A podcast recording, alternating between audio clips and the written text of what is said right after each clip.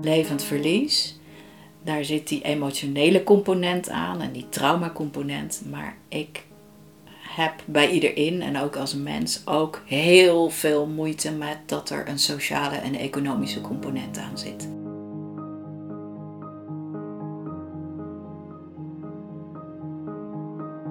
Vandaag het tweede deel van ons gesprek met Ilja Soffer, directeur van Iederin, een vereniging voor mensen met een beperking en chronische ziekte. In de vorige aflevering hebben we met Ilja gesproken over de veranderingen die de wet op de jeugdzorg hebben betekend voor gezinnen van een kind met een beperking. En over Ilja's eigen ervaringen als moeder van een zoon met Down. In deze aflevering gaat het vooral over hoe de maatschappij iedereen een plek zou moeten bieden en wat daarvoor nodig is. We bezoeken Ilja thuis. Ze herstelt van een operatie aan een dubbele nekhernia. Veel op haar schouders nemen heeft zijn tol geëist. Doordat ik er even uit ben, voel ik ook van ja, hoe gezond is het eigenlijk wat ik aan het doen ben. Ik ben natuurlijk niet gezond nu, dus hoe gezond is het wat ik aan het doen ben? Ik heb op een gegeven moment, toen ik net geopereerd was, toen, toen werd ik wakker. Toen dacht ik, waar doe ik het ook allemaal voor? Ik word altijd een beetje emotioneel van uh, narcoses. En uh, toen dacht ik van, uiteindelijk ben ik echt blij. Heb ik mijn werk goed gedaan als anderen denken, oh ja, dit steunt me in mijn mens zijn. Dus ik hoop eigenlijk dat die podcast, of je nou in één, twee of drie delen of stuk. Ik hoop eigenlijk dat mensen zich erdoor gesteund voelen in hun mens zijn.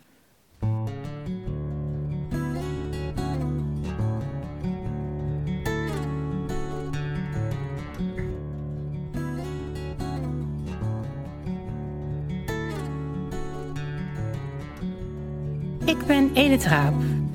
Ik geef les in ouderbegeleiding aan de Hogeschool Utrecht en doe promotieonderzoek naar levend verlies. Ik ben Minke Verdonk.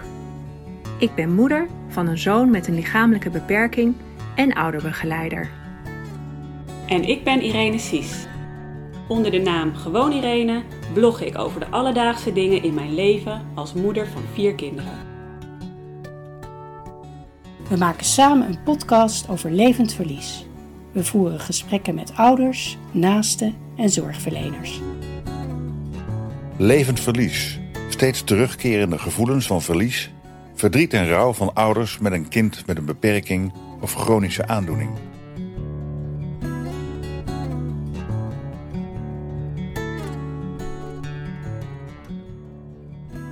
Luister naar aflevering 37 van de podcastserie Levend Verlies. Kijk, die ondersteuning, dat vertel je heel mooi. Hè? Dat je vanaf dag één een soort bedding zou moeten hebben om gezinnen die zelf kunnen aangeven van nou, dit heb ik nodig nu op dit moment. Ja. Maar hoe vertaal je dat in wetgeving, beleid? Welke ideeën heb je daarover? Ja, we hebben eigenlijk altijd bij iedereen gezegd: er zou voor kinderen met een beperking of chronische ziekte waarvan je zeker weet dat hij niet overgaat. En dat hij gedurende het hele leven op en af iets nodig heeft. Je zou gewoon een aparte afslag moeten maken. In de jeugdwet, in welke wet dan ook, het maakt eigenlijk niet uit. Want je weet dat je op en af in alle overgangsmomenten in het leven, dat er ondersteuning nodig is. En als je dat niet goed doet, dat de zorgvraag verergert, de problematiek verergert en het perspectief vernauwt. En daar zit nu een heel klein haakje in de uh, hervormingsagenda jeugd.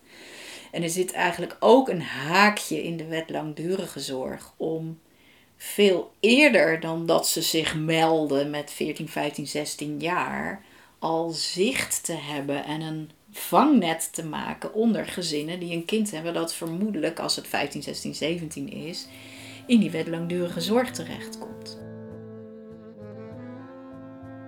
Ilja heeft het over haakjes in verschillende wetten.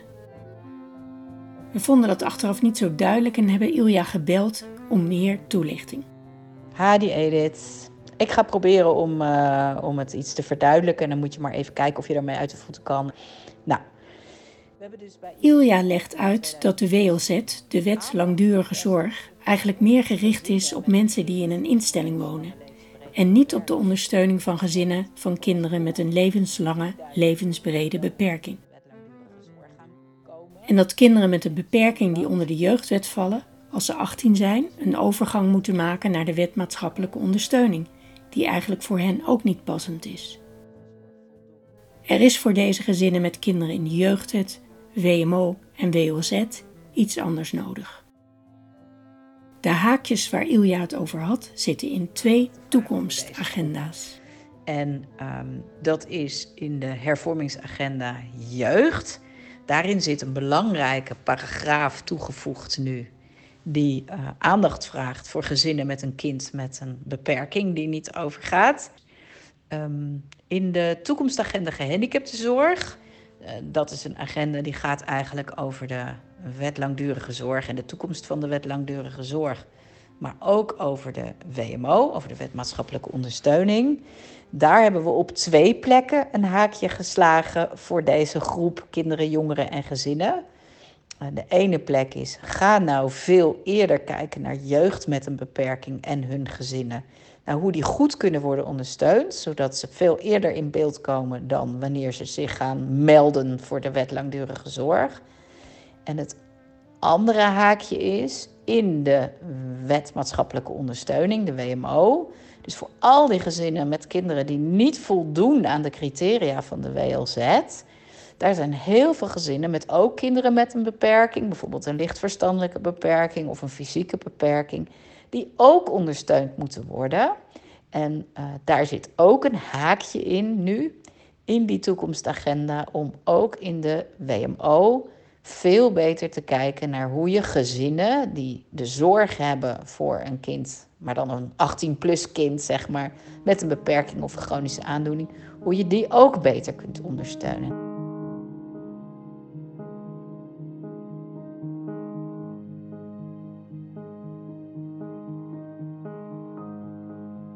Terug naar het gesprek bij Ilja thuis. waar we ook wel echt voor pleiten. Maar dat is een lastig onderwerp. Dat is nu wel actueel. Dat is om te zeggen, moet je in huishoudens waarin zware mantelzorg, ik noem dit geen mantelzorg expres, omdat mantelzorg vrijwillig is. En dit is niet vrijwillig te maken, weet je. Maar waarin zo zwaar en langdurig een zorgtaak in het gezin is, dat je daar iets van een inkomensvoorziening. Nou, is betalen voor mantelzorg, dat wordt als een soort schande gezien. Terwijl ik denk, nou, hoezo is dat een schande? Je komt honderdduizenden mensen tekort om zorg te leveren. Die wil je uit de arbeidsmarkt halen. En intussen zijn er honderdduizenden mensen niet aan het werk en qua armoede aan het verkommeren omdat ze mantelzorg. hebben. Mantelzorgers horen bij de groepen mensen met de ernstigste schuldenproblematiek. dus mensen met een ziekte, hebben heel vaak ernstige schulden en mensen die zorgen voor iemand met een ziekte of een handicap ook. Dan denk ik, nou, volgens mij, als je zorgt dat mensen gewoon hun maandlasten kunnen voldoen en een beetje lucht hebben. Ja, het is wel mooi het CCE, het Centrum voor Consultatie en Expertise, die gespecialiseerd zijn in het vlot trekken van uh, ontspoorde zorgsituaties, om het maar even zo te zeggen. Het CCE noemt dat een omgevingsprothese. Dus als je geen benen hebt, dan helpt een rolstoel. Want dan kun je met die rolstoel, die zijn dan jouw benen. Of als je armen niet doet, dan helpt een soort ondersteuning op je stoel, zodat je wel iets kan pakken. En als je dus een verstandelijke beperking of een zorgvraag hebt, dan helpt het om een begeleidingsprothese te maken. Om jouw hersencapaciteit of jouw besliscapaciteit of jouw regiecapaciteit aan te vullen. Nou, zo vroeg mogelijk die omgevingsprothese maken zo vroeg mogelijk bestaanszekerheid garanderen. Zo vroeg mogelijk naast en bij gezinnen gaan staan in plaats van er tegenover. Dat zijn wel de dingen hè, waarvan wij bij iedereen steeds weer hebben bepleit om ze te verankeren in de jeugdwet en de wet langdurige zorg. En eigenlijk om die wetten naar elkaar toe te krijgen ook. En dat, als je dat doet, dan moet dat ook in de WMO, hè, in de wet maatschappelijke ondersteuning. Omdat als je kind 18 wordt, en het heeft een verstandelijke beperking die niet zwaar genoeg is om in de wet langdurige zorg te mogen, nou dan heb je ook een issue. Is niks.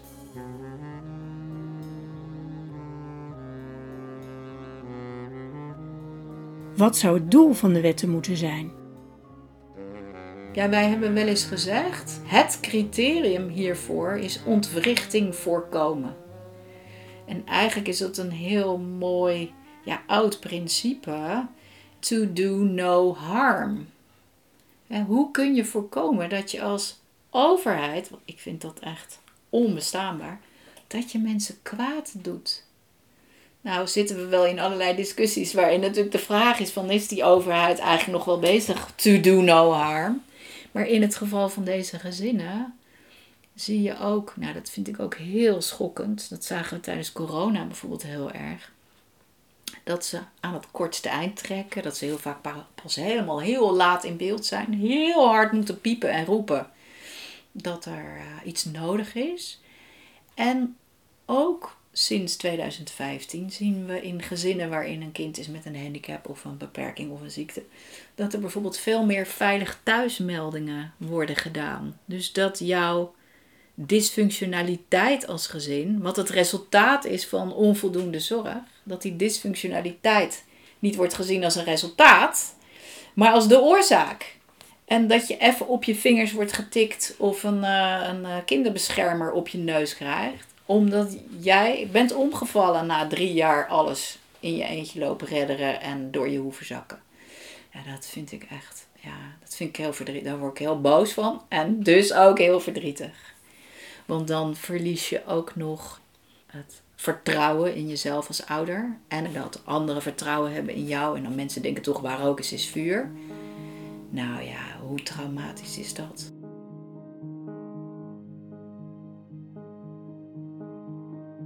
ik zou wel willen dat we nog met wat meer power zichtbaar kunnen maken wat de impact is van het hebben van een, een kind, meestal, hè, of, of een, een partner met zo'n stevige zorgvraag. En dat, dat we vanuit vertrouwen en de kracht van mensen dat versterken wat nodig is om die kwaliteit van leven zo hoog mogelijk te houden. Met dat verlies. En dan blijft misschien levend verlies staan voor al je verwachtingen die je hebt moeten inleveren.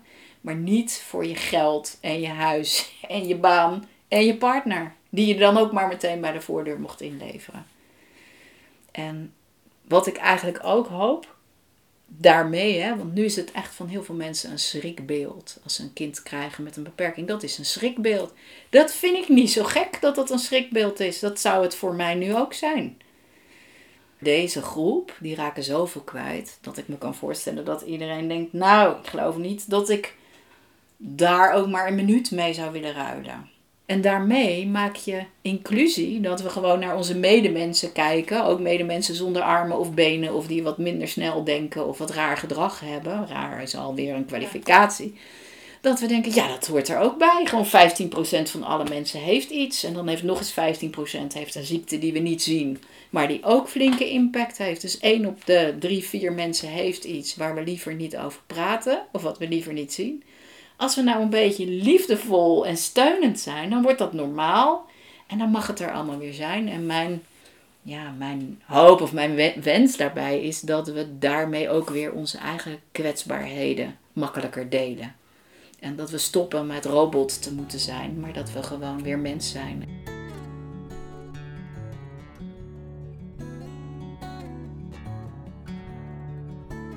We vragen Ilja naar haar tekst op het tegeltje en we krijgen er twee. Eentje is dat ik op een gegeven moment dacht, in de wereld waarin ik zit als mens met een kind met een uh, beperking en ook de mensen die ik daardoor heb ontmoet, is een soort van stelregel voor mij geworden. De uitzondering is de regel dat zou ik wel op een tegeltje willen schrijven. De uitzondering is de regel. En dat betekent dat in al die gevallen waarin je te maken hebt met ja, kinderen waar iets mee is, gezinnen waar iets mee is, waar het een beetje anders gaat, dat beleidsdenken heel vaak zegt: dit is de norm en dit zijn de uitzonderingen. Maar eigenlijk hebben we allemaal heel erg baat bij het besef dat we allemaal uitzonderlijke wezens zijn en onze eigen keuzes moeten maken en onze eigen mozaïek van ondersteuning nodig hebben. En dat de meeste mensen deugen en daar geen slechte of rare bedoelingen mee hebben. En dat als je beleid een beetje adaptief en flexibel maakt, dat het beleid een beetje luistert naar de mensen en de mensen een beetje vertrouwen hebben in beleid, dan volgens het principe de uitzondering is de regel, moet het mogelijk zijn om mij bijvoorbeeld naschoolse opvang te geven en een andere een oppas thuis. Omdat het in de ene situatie hier beter past en in de andere daar. En het ene is niet veel duurder dan het andere. Het is alleen niet met een norm en een algoritme te bewijzen dat het ene beter is. Dus dat was tegeltje 1. De uitzondering is de regel. Tegeltje 2. Ik ben natuurlijk rupsje nooit genoeg. Ik heb wel een soort levensmotto. Toen David net geboren was, had ik in één week, de week na zijn geboorte, twee uitzendingen gezien op tv over, nou ja, waarbij één echt met een mongooltje was. Op de EO zat een jongen met Down, zat aan zijn moeder te plukken en te kwijlen. En die moeder die deed de hele tijd, plukte ze die handen van die jongen eraf en die wierp ze zich zo En dan zei ze, nee, niet, niet doen. Dus ze je, je zag eigenlijk dat zij een soort van vergroeid waren, maar zij vond het niet zo lekker. Zo zag het er althans uit. En toen dacht ik, oh nee, en straks wordt mijn kind ook zo. En straks wil ik mijn kind ook niet dat hij me aanraakt. En een dag later was er een uh, keurig stukje documentaire met een Noorse professor. Die zei, in Nederland lopen we enorm achter met dat, eigenlijk het sociaal model denken over mensen met een handicap. En zij liet dan zien in Scandinavië dat eigenlijk iedereen met een handicap in principe een bijdrage kan doen aan de samenleving. Dus iemand die uh, heel, uh, nou ja, met, met autisme, die bijvoorbeeld heel precies handdoekjes opvouwt en dat eigenlijk wel duizend keer kan doen. Nou, laat hij lekker de duizend keer een handdoekje opvouwen. Waarom niet? En iets wat zij zei, of wat ik heb doorgeslikt daarvan. En dat was ook in één week. En ik heb het denk ik daarom in die week na zijn geboorte ook in mijn hart gesloten. Zij zei zoiets als, of ik heb het zo onthouden als, als iedereen dat inbrengt waarvan hij overloopt, is er van alles voor iedereen meer dan genoeg. En dat motto, dat ben ik ook echt gaan leven. Ik heb ook wel eens een feestje gegeven waarbij ik aan iedereen heb gevraagd om iets in te brengen waarvan hij overloopt. Dus iemand is gaan zingen, iemand is muziek gaan maken, iemand is taarten gaan bakken. Omdat ik heel erg geloof dat we allemaal overlopen van dingen. En als je dat op een hoop gooit, nou dan heb je toch een rijkdom. Dus het leven als pluktuin. En ik denk eigenlijk dat gezinnen met een kind met een handicap heel veel hebben aan dat perspectief. Want er kan heel veel wel Alleen niet in die hele smalle norm. En mijn kind met Down kan heel veel inbrengen. Die kun je bijvoorbeeld hoofdbeveiliging maken van een gebouw. Want hij weet alle deuren die open kunnen. weet hij open te maken. Bijvoorbeeld. Hè? Dus ja, als, het is een beetje veel woorden voor een tegeltje. Dus tegeltje 1, de uitzondering is de regel. Tegeltje 2, als iedereen dat inbrengt waarvan hij of zij overloopt, is er van alles voor iedereen meer dan genoeg.